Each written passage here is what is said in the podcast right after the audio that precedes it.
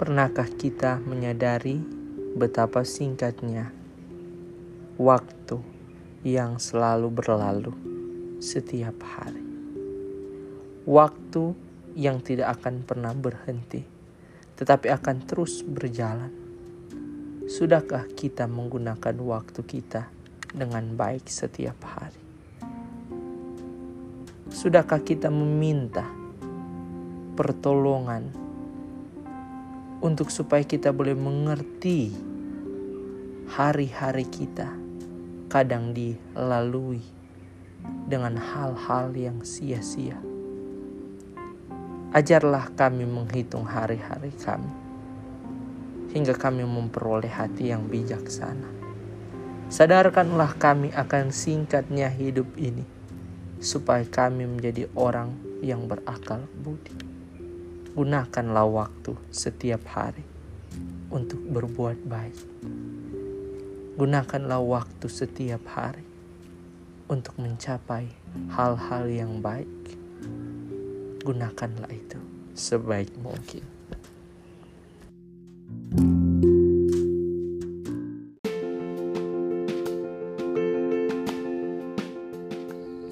Raja kejahatan atau setan tidak mau kita maju selangkah pun dalam iman kerohanian pengenalan kita kepada Tuhan. Setiap apa pun yang kita lakukan untuk meningkatkan kerohanian kita, maka raja kegelapan itu akan berusaha untuk mengambil langkah itu. Sehingga kita tidak akan pernah maju dan itu yang selalu dia inginkan. Pada titik inilah kita akan dibentuk. Kita akan diproses, kita akan merasakan kebutuhan kita bahwa satu-satunya yang dapat mengalahkan si raja kegelapan agar supaya dia tidak mengambil jalan itu atau langkah yang akan kita buat itu adalah kita harus meminta bantuan dari Allah. Di sinilah kita mengerti bahwa kebutuhan kita yang terbesar hanyalah Yesus Kristus. Karena hanya Yesus Kristus yang dapat mengalahkan raja kegelapan. Ketika kita mau berusaha untuk takut akan Allah dan berusaha untuk maju selangkah dalam kehidupan kemurnian dan kerohanian kita, kita tidak akan mampu karena raja kegelapan itu berusaha untuk mengambil langkah itu.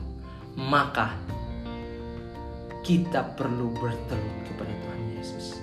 Kita ber, perlu untuk berseru kepada Dia, meminta Dia untuk mengalahkan raja kegelapan Pernahkah kita ketika kita mau mencoba mempelajari Alkitab, mencoba untuk setia kepada Tuhan, tetapi kemudian kita disibukkan dengan YouTube, kita disibukkan dengan Facebook, kita disibukkan dengan Instagram, kita disibukkan oleh sesuatu yang lain yang tidak mempelajari firman Tuhan.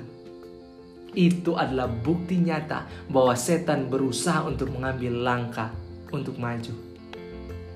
Makanya, berdoalah kepada Tuhan Yesus mintalah kepada Tuhan Yesus.